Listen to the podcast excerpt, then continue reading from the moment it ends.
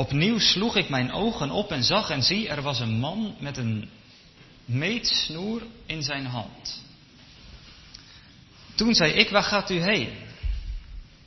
Hij zei tegen mij, ik ga Jeruzalem opmeten. Om te zien hoe groot zijn breedte en groot zijn lengte zal zijn. En zie, de engel die met mij sprak, trad naar voren. En een andere engel trad hem tegemoet. Hij zei tegen hem, loop snel. Spreek tot die jonge man en zeg, Jeruzalem zal niet ommuurd blijven. Vanwege de veelheid aan mensen en dieren in haar midden. En ik zal voor haar zijn, spreekt de Heer, een muur van vuur rondom. Ik zal in haar midden tot heerlijkheid zijn. O, o, vlucht dan. Uit het land van het noorden spreekt de Heer, want ik heb u verspreid over de vier windstreken van de hemel. Spreekt de Heer. O Sion, ziet te ontkomen, u die woont bij de dochter van Babel. Want zo zegt de Heer van de legermachten, nadat hij heerlijkheid heeft beloofd, heeft hij mij gezonden tot die heidenvolken die u beroven. Want wie u aanraakt, raakt zijn oogappel aan. Want zie, ik beweeg mijn hand over hen en ze zullen hun dienaren tot buit worden. Dan zult u weten dat de Heere van de legermachten mij gezonden heeft. Juich en verblijd u, dochter van Sion, want zie, ik kom en zal in uw midden wonen, spreekt de Heere. Veel heidenvolken zullen op die dag bij de Heere gevoegd worden en ze zullen mij tot een volk zijn en ik zal in uw midden wonen. Dan zult u weten dat de Heere van de legermachten mij tot u gezonden heeft. De Heere zal Juda in eigendom nemen als zijn deel in het heilige land. Hij zal Jeruzalem nog verkiezen. Wees stil voor het aangezicht van de Heere, alle vlees, want hij is ontwaakt uit zijn heilige woning. Tot zover deze schriftlezing. Na de preek gaan we samen zingen uit Psalm 122 vers. Dus zij zeer naam geprezen en in Sion eer bewezen, als de volken tezamen vergaren en zich met zere erfvolk paren. Het twaalfde vers van Psalm 102 zingen we als het antwoord op de verkondiging.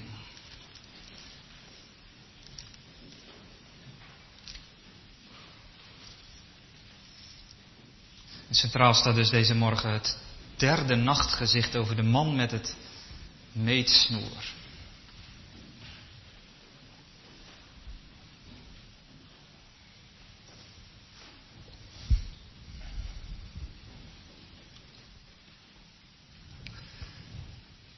Geen stad spreekt zo tot de religieuze verbeelding als Jeruzalem. Dat was een opmerking van het weekblad Elsevier die vorig jaar met een hele bijlage kwamen over de stad Jeruzalem. Het Algemeen Dagblad zei twee jaar geleden: geen stad is zo fel bevochten als de stad Jeruzalem. De felst bevochten stad ter wereld. En een paar maanden geleden de NOS. Het is een brandhaard in een religieus politiek conflict, maar ook heilige grond voor drie Abrahamitische religies bron van conflict, de felst bevochten stad ter wereld en tegelijkertijd heilige grond. Wat maakt Jeruzalem nu zo bijzonder? Wat maakt Jeruzalem tot een andere stad dan alle andere steden ter wereld? Heeft dat inderdaad te maken met die heilige grond voor de drie, wat we dan noemen Abrahamitische religies, die terug te leiden zijn tot op Abraham? De islam, het christendom, het jodendom, in deze wereld de religies die één God aanbidden. Nou ja, voor moslims is het inderdaad een heilige plaats. Als je Jeruzalem ziet en dan die gouden koepel erbovenuit, net daarnaast de beroemde Al-Aqsa moskee, dat is, dat is heilige grond voor moslims. Men gelooft daar, dat is het verhaal althans, dat Mohammed, toen hij hier op aarde rondwandelde en, en toen hij uiteindelijk de, de Koran heeft geschreven, en dat hij uiteindelijk vanuit Jeruzalem, vanaf die plaats, wat vroeger de Tempelberg was, waar nu dus een moskee staat, vanaf die plaats dat die opgevaren is naar de hemel. En daarom voor moslims een, ja, een soort pelgrimsoord, een heilige plaats. Ja, voor christenen ook. Want in Jeruzalem, daar vinden we de graftuin, de plaats waar de Heer Jezus drie dagen in het graf heeft gelegen, maar de steen was weggewenteld en, en, en de Heer Jezus was opgestaan. En als je nog iets verder teruggaat, dan vinden we daar de berg waar de Heer Jezus uiteindelijk gekruisigd is, de berg Golgotha, nog steeds te bezoeken. En ieder jaar zijn er duizenden en duizenden christelijke toeristen die juist voor die plaatsen naar Jeruzalem komen. Voor, voor moslims een heilige plaats, voor christenen een heilige plaats. Ja, en natuurlijk ook voor Joden. Hoewel, daar is dan weer niet zoveel van over. Alleen nog een klein restantje van die tweede tempel, die ze hier in de tijd van Zacharia aan het herbouwen zijn. Nog één stukje muur. Een eeuwenoude, een klaagmuur noemen ze die. Net onderaan die Al-Aqsa moskee een klein stukje muur, heilige grond voor de Joden. En, en zo is dat, dat, ja, dat relatief kleine oppervlakte een brandhaard in een religieus politiek conflict, zei de NOS. Ja, toch wel in het bijzonder voor de Joden. Op elke Joodse bruiloft, heeft u misschien wel eens gehoord, dat is toch een feestelijke dag en uh, uh, vol met feestelijke dingen en zo. Dat gaat er wat uitbundiger vaak nog aan toe dan bij ons Nederlanders. Dat is uh, met heel veel muziek en dans en zo. Maar, maar ergens halverwege de dag is er ook een soort verdrietig moment. Dan moet de bruidegom een wijnglas pakken en die moet hij kapot laten vallen op de grond. En dan ligt dat glas in scherven op de grond. En dan zeggen ze dat doen wij ter herdenking van de verwoesting van Jeruzalem.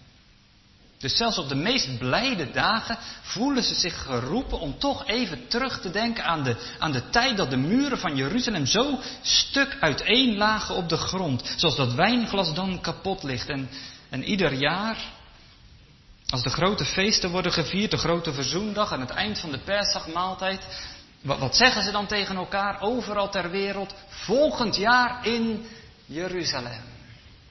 Het verlangen, als we er niet wonen, volgend jaar, oh mogen we het feesten dan vieren in de plaats Jeruzalem, tot volgend jaar in Jeruzalem. En, en als ze al wel in Jeruzalem zijn, dan, dan, dan roepen ze elkaar tot op de dag van vandaag toe, tot volgend jaar in een herbouwd Jeruzalem. De Seidermaaltijd, de herinnering aan de uittocht uit Egypte, de, de verlossing uit de slavernij. En dan telkens weer tot volgend jaar in Jeruzalem. En in het Joodse volkslied proef je die heimwee helemaal als ze zingen, zolang er nog één ziel, één Joodse ziel in leven is, blijft het verlangen levend naar de stad Jeruzalem. Is de hoop niet verloren, gaat het verlangen niet ten onder. Terug te keren naar Jeruzalem. Nou, even als je dat allemaal in gedachten hebt, dan begrijp je ook hoe ongelooflijk ingrijpend die ballingschap was. Dat de stad Jeruzalem verwoest lag. Dat ging natuurlijk over veel meer dan alleen een hoofdstad van een bepaalde gedeelte van deze wereld, wat op dat moment in puin lag. Dat, dat was niet alleen de verwoesting van Jeruzalem, dat was de hoop, de plaats die God voor eeuwig aan Israël had gegeven en waaruit de Messias zou moeten voortkomen. Die plaats die was, die was in puin. Niet alleen emotionele waarde, maar een diepe, religieuze, hoopvolle. Het geloof staat of valt met, met, met het staan of het vallen van Jeruzalem. En als je dat dan weer weet, dan begrijp je misschien ook hoe een ongelooflijk hoopvol visioen dit is. Wat, wat Zacharia hier mag zien. Ze, ze sluiten helemaal op elkaar aan. Het eerste dal waar de midden stonden. Het tweede van die horens en die smeden. Hoewel, die eerste twee die hadden heel veel geweld in zich. Die horens, dat stond symbool voor alle machten die Israël wilde vernietigen en uiteendreven over de wereld heen. Nu dat derde visioen is eigenlijk, is dat hele geweld is weg. Is de sfeer veel lieflijker, veel hoopvoller. Maar misschien ook wel de vraag, ja, maar wat dan daarna? Als al die vijandelijke machten, als daarmee is afgerekend en die horens en zo, dat is, dat is weg. Maar, maar wat dan? Wat, wat blijft er dan over? Ja, dan gaan opnieuw de ogen van Zacharia open. Het was nog steeds die ene nacht. Had al twee wonderlijke dingen gezien. Je vraagt je soms bijna af hoe heeft hij het allemaal kunnen verwerken. Maar goed, opnieuw, zegt hoofdstuk 2, sloeg ik mijn ogen op en zag en zie een man. Een man met een meetsnoer. In onze vertalingen met een hoofdletter. Zoals heel veel van die woorden hier met een hoofdletter zijn geschreven. Maar ik denk dat we het maar even bij een kleine letter moeten houden. Een jonge man, zoiets. Een man met een meetsnoer. Dus een, ja, een rolmaat in zijn handen. Maar iets groter in die tijd, een meetsnoer, een meetlint. En dat droeg hij dan bij zich. En, en, en blijkbaar komt hij in beeld van Zacharia. En voor het eerst in de visioenen van Zacharia kan die, kan die de man in het visioen aanspreken. Tot nog toe was hij een toeschouwer, keek hij van buiten af en zag hij allerlei dingen. En als hij wat wilde weten, vroeg hij de tolkengel naast hem: Joh, wat betekent dat? Maar voor het eerst mag Zacharia zelf in dat visioen als het ware mee gaan doen. En hij ziet die man lopen en hij vraagt niet aan de tolkengel naast hem. Nee, hij vraagt die man rechtstreeks: uh, Waar gaat u naartoe? Ja, wat ik zei, daar is een man met een meetsnoer, maar ik denk dat, het, dat ik het tafereel daarmee iets te rustig schilder. Het is eerder een, een, een hardloper. Iemand die rent, een jonge kerel die hard op weg is, rent met een meetsnoer. En, ik, ik, zie dat zo bijna, bijna voor me, dat, dat die, hij rent voorbij en dat, dat vraagt natuurlijk de aandacht. Waarom rent iemand zomaar op straat? En dat Zacharia hem even stilhoudt, meneer, waar gaat u naartoe? En dat die hardloper zo even zijn pas inhoudt en bijna een soort op zijn knieën staat uit de rust, hè, uithijgend. En dat hij dan dat antwoord geeft. Waar, waar ik naartoe ga? Nou, eh, ik ga Jeruzalem opmeten om te zien hoe groot zijn breedte, hoogte enzovoorts is. Ik ga de lengte en de breedte van Jeruzalem meten. Een jonge man. Misschien wel symbool voor de jonge teruggekeerde Israëlieten. Want hij is blijkbaar uit Babel teruggekeerd. Symbool van dat jonge teruggekeerde volk. En, en, voordat we dan naar dat antwoord toe gaan, hè, dacht ik eerst maar eens even, dat is eigenlijk wel mooi. Zo'n jonge kerel, die is teruggekeerd. En het is best wel een ingewikkelde tijd, dat hebben we gezien. En best wel lastig, al die aanvallen enzovoort. Maar hij heeft die boodschap van Haggai en van Zacharia blijkbaar gehoord. En die heeft hij tot zijn hart door laten dringen. En die boodschap heeft hem in beweging gezet. Hij is gaan rennen, hij is gaan lopen. Hij heeft gehoord over dat God Jeruzalem zal herbouwen. Wat voor mensenogen, ja, ongeloofwaardig leek. Maar, maar als God het gezegd heeft en als Zacharia en Haggai en Nehemia en Esra, als ze echt gelijk hebben dat, dat Jeruzalem toch naar Gods gemaakt bestek weer zal herrijzen. Nou, dan, dan wil ik dat zien, dan wil ik erbij zijn. En hij is gaan rennen. En hij heeft nog net een meetlint meegegrepen en, en, en, hij, en hij wil gaan opmeten. Is het echt waar? Wordt die stad echt weer zo groot als beloofd is? Zullen die maten en die afmetingen weer net zo is dat. En, en als de, al die mensen daar komen, is er dan ruimte genoeg? En, ja, en als er ja, een jongere die is aangeraakt. Hij wil gaan onderzoeken, gaan meten, gaan ontdekken, gaan rekenen, opmeten die boel. En hij rent op weg naar Jeruzalem. Een enthousiasme eigenlijk. Gewoon in beweging gezet door het woord van God. En verder zonder al te veel nadenken gaan. Blijkbaar goed met getallen. En als God het volk weer gaat zegenen, nou dan wil ik dat wel eens even zien. Zegen is meten. Tja, dat blijkt dan niet helemaal waar. Dat, dat je de zegen kunt gaan meten. Want in dat nachtgezicht, die engel, die, of die, die, die jonge man, die is blijkbaar alweer verder aan het rennen, is even halt gehouden. En dan staat de tolkengel naast hem. En die tolkengel doet precies hetzelfde als Zacharia. Hij gaat zich ook mengen met iets wat in dat visioen gebeurt. Want hij ziet in de verte een andere engel staan. En de tolkengel naast Zacharia roept tegen die andere engel in de verte: ren achter die jonge man aan. En heel snel. Hij zei, de engel die met mij sprak, vers 3, trad naar voren in dat visioen en een andere engel trad hem tegemoet en hij zei tot hem, loop snel, spreek tot de jonge man en zeg, ren achter hem aan. Dat dat meetlint waarmee hij op pad is, dat mag weer weg. Vers 4 zegt Jeruzalem zal helemaal niet ommuurd blijven. Dat, dat is helemaal niet te meten. Ja, dat is uh, wel een les eigenlijk. Blijkbaar is zegen niet altijd te meten. Ik dacht, ja, wij meten ook altijd wel graag, hè? Hoeveel dit, hoeveel dat. Hoe zit het hiermee? Groei, kun je dat meten? En hoeveel mensen en hoeveel mensen daar? Meten de zegen van God. Maar de zegen van God is niet altijd te meten. En aantallen zijn niet altijd de zegen. En, en dat gaat niet altijd gelijk op. Maar ik dacht ook even nog een laag dieper, ook geestelijk. Kunnen wij soms ook zomaar meetlinten aanleggen. Dat dan hebben we een soort plaatje van wat een christen is. Of hoe een christen zou moeten zijn.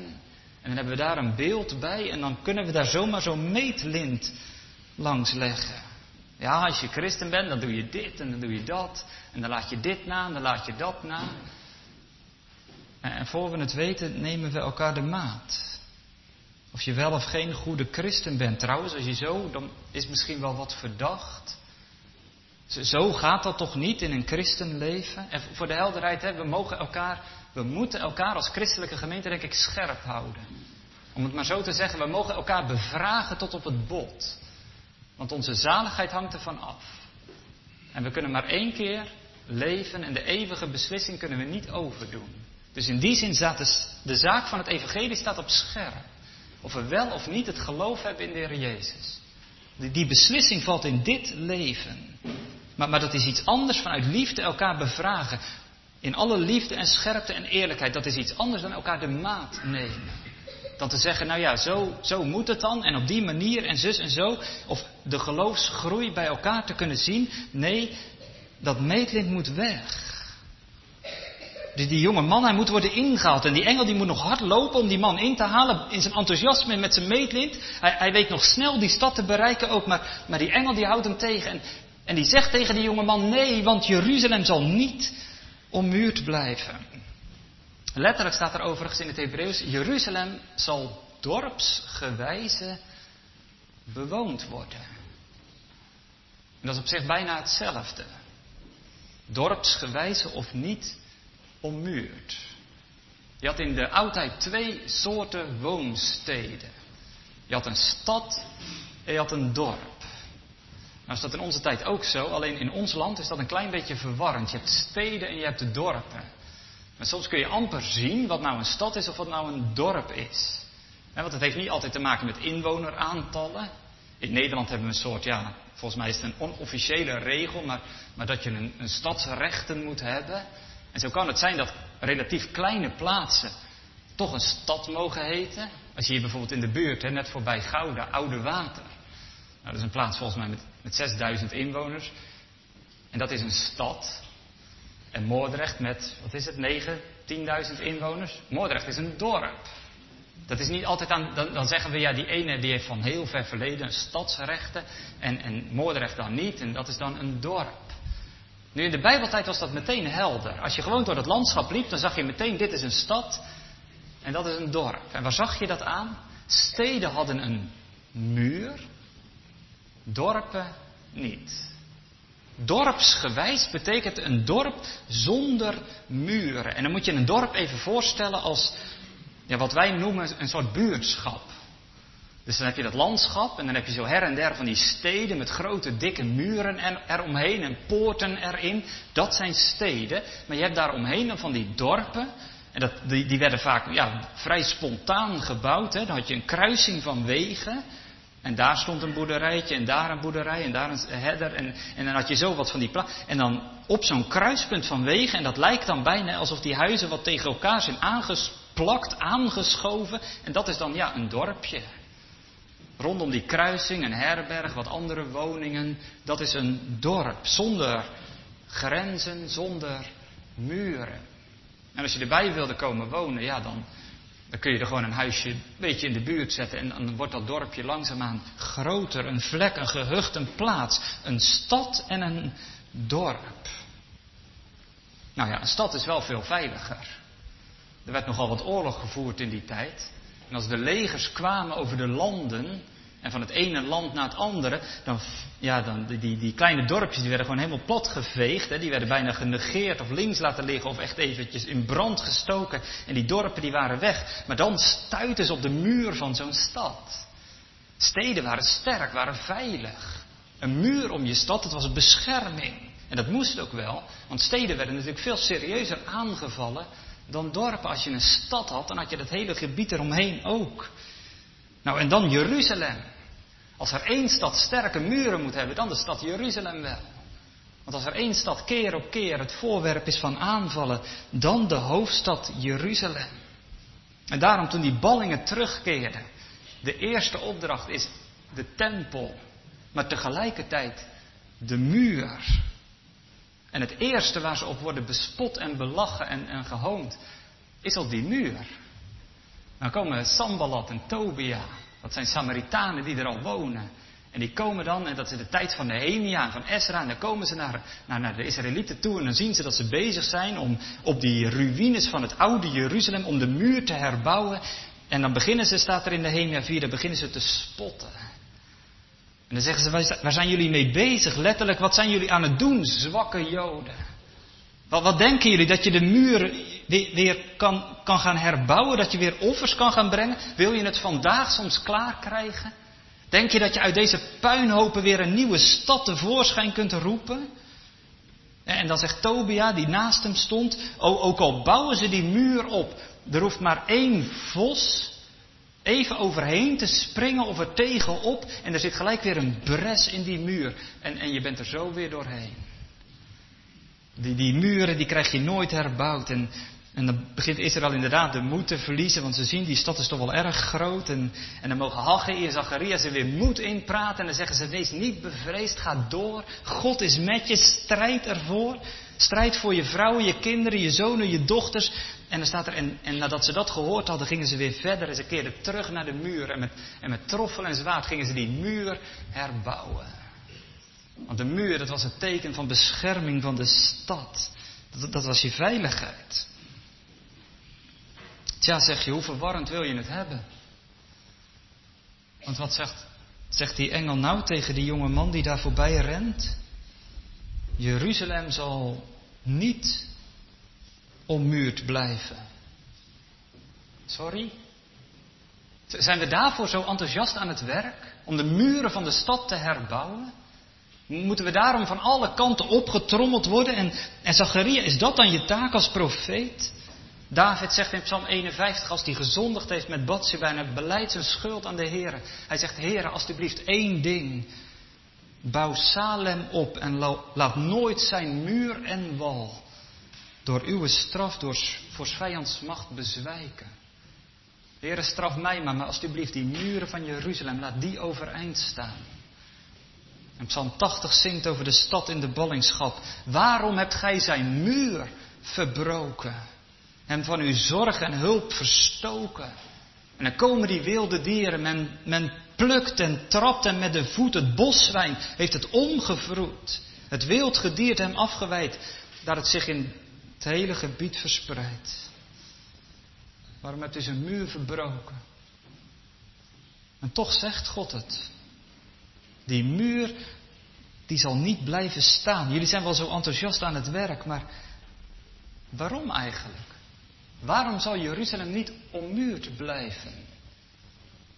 Nou, omdat een muur niet alleen bescherming bood, maar een ommuurde stad heeft ook één nadeel.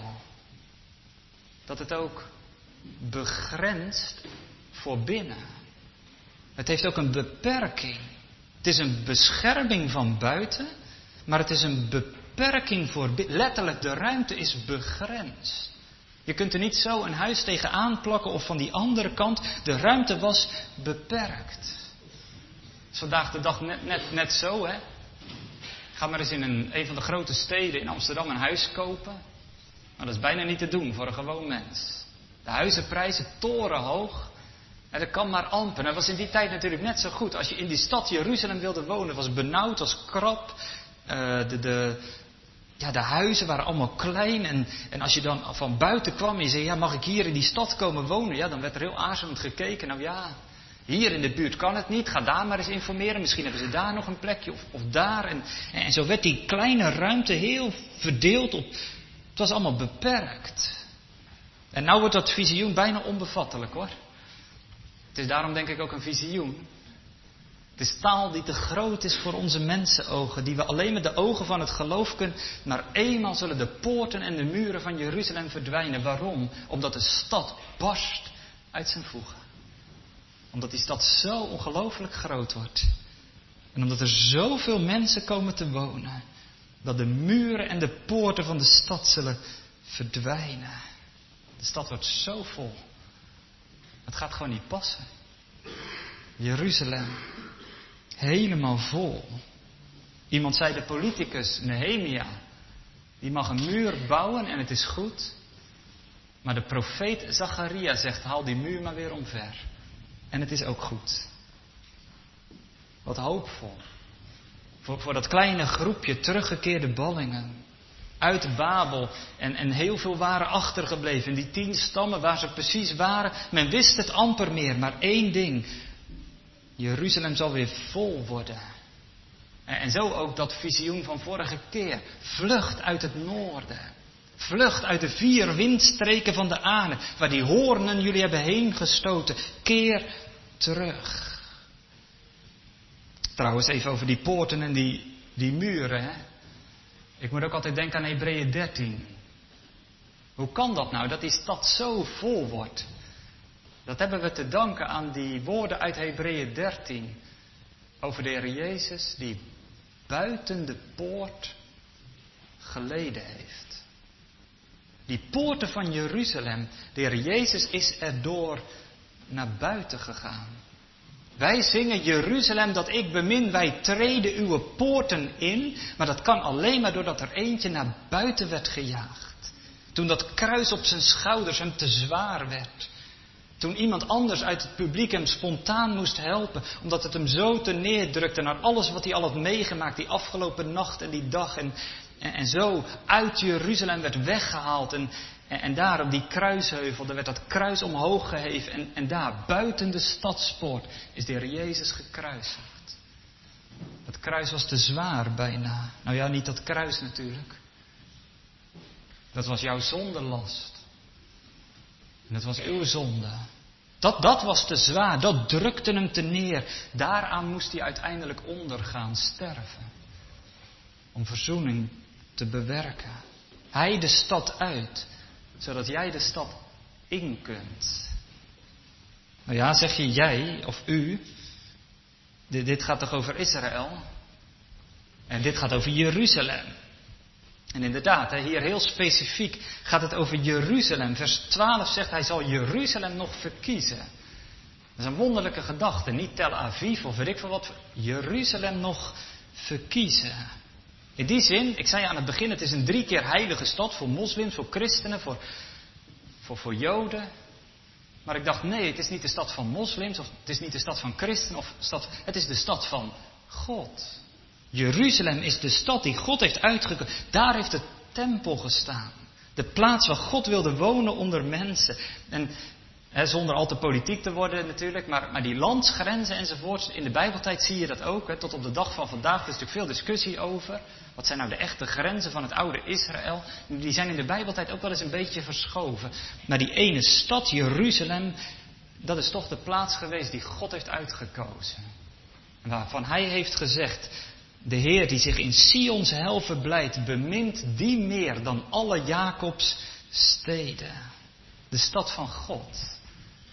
Jeruzalem, waar hij een woning heeft gekozen.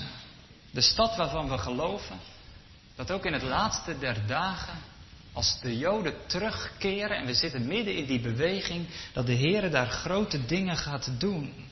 Dus ja, het gaat over Israël, maar het wonderlijke van dit nachtgezicht, en ik denk eerlijk gezegd dat Zacharia dat zelf nog niet heeft begrepen. Dat is ook wel het mooie om dit natuurlijk te mogen lezen als christelijke gemeente. Dat Zacharia dit geheim nog niet heeft verstaan. Maar vers 11 zegt, veel heidenvolken zullen op die dag bij de Heere gevoegd worden. En ze zullen mij tot een volk zijn en ik zal in uw midden wonen. Nou ja, op die dag, als ik u vraag welke dag is dat, dan denk ik dat we allemaal zeggen, ja dat, dat is natuurlijk de Pinksterdag. Als 3000 erbij gevoegd worden.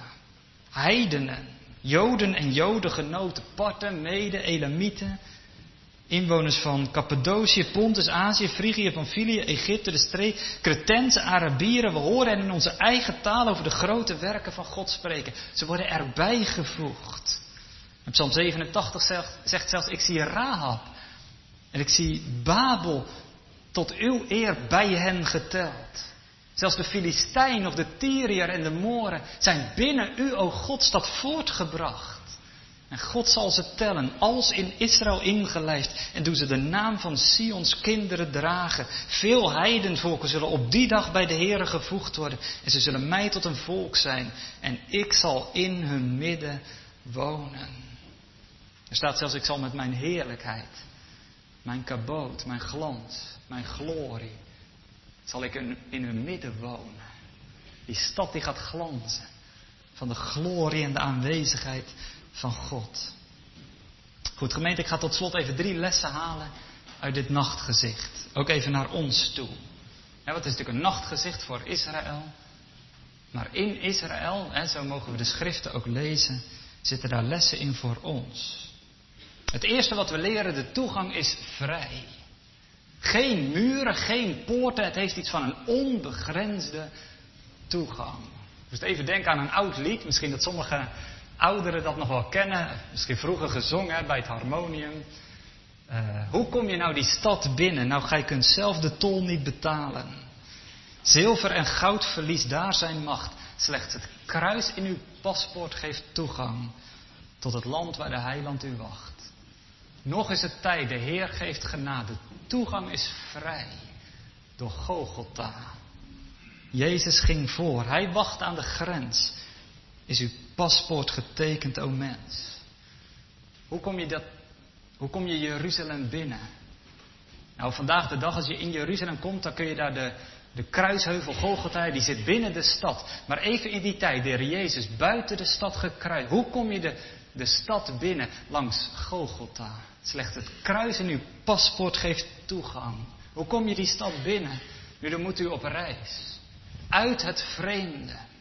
Het God vergeten oude land. Uit Babel, uit Egypte, uit het land waar we van nature geboren worden en waar we zo in vastzitten. We moeten op reis. Op reis, op weg naar het kruis, op weg naar die stad. Op weg. Nee, niet gaan berekenen. Niet gaan tellen, niet gaan meten. Meetlinten enzovoort. Nee, op weg gaan, komen. Hoe kom ik er? Christus is de weg. Slechts het kruis geeft ons toegang. Ik dacht, dat past ook wel alvast even mooi bij vanavond. Ik was natuurlijk in de voorbereiding uh, deze week bezig met die twee preken voor vanavond over de, de leer van de verkiezing. Dat we ook met dat meten en dat tellen maar moeten uitkijken. De Heer Jezus zegt komen. Tweede les. Die stad wordt een metropool. Het zal uiteindelijk een schare bevatten die niemand tellen kan. Kun je in de tijd van Zacharia niet voorstellen. Een half afgebouwde stad met een klein groepje die nog een beetje de moed niet heeft verloren en daar nog wat aan de slag gaat. Maar de Bijbel zegt het is een grote schare die niemand tellen kan. Uit alle naties, geslachten, tongen en talen. Over het rond der aarde. En ze zullen daar zingen, glorie voor het land.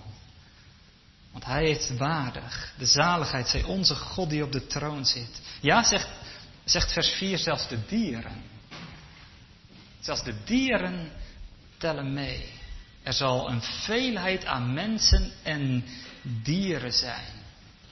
God zorgt voor de dieren. Toen Jona op weg ging naar Nineveh, zei de Heer: Hoe kan ik die stad omkeren waar zoveel mensen wonen en veel vee? God zegt: Dieren. Een schade die niemand tellen kan. Nog een derde les. Is er dan echt geen muur om de stad? Ja, toch wel. God zegt: Die stenen muren, die vallen weg. Maar vers 5 zegt, dan zal ik de muur zijn. Ik zal voor haar zijn, spreekt de Heer, een muur van vuur rondom. Ik zal in haar midden tot heerlijkheid zijn. De Heer is het centrum, de heerlijkheid, de kaboot. Maar hij zegt, maar ook eromheen wil ik een vurige muur zijn. Hij heeft misschien wel eens eh, gehoord hè, van bosbranden. Als, uh, zeker met het warme weer is dat echt groot risico, het hele stuk bos uitbranden. Maar wat doen ze dan? Net daarvoor willen ze eigenlijk dat gecontroleerd laten ze dat gedeelte eromheen uitbranden. Zo'n kleine strook. En dan kan dat midden kan veilig blijven. Zo'n muur van vuur. Nou, zo zie ik dat voor me. Voor, rondom die stad Jeruzalem. Een muur van vuur, zoals de vuurkolom beschermde. Of je dat letterlijk moet lezen, ik denk eerder aan die vurige engelenlegers die rondom de stad zijn om Jeruzalem en om al diegenen die bij Israël zijn ingelijfd en die de God van Abraham, Isaac en Jacob zijn gaan liefkrijgen. Een muur van vuur rondom. Dat betekent dus ook, het is niet grenzeloos. In de zin van, oké, dus geen muren betekent ook geen grenzen, dat, dat alles en, en iedereen en altijd, dat alles maar goed is. En dat we geen nee durven zeggen. Nee, de Bijbel is heel helder. Niet alles is goed. En de Bijbel vraagt soms een krachtig, helder nee. Tegen dat wat wij in ons hart soms heel graag zouden willen, maar die de Bijbel daadwerkelijk verbiedt. Maar het is hier die bescherming. Zowel van binnen naar buiten als van buiten naar binnen. God is een verterend vuur.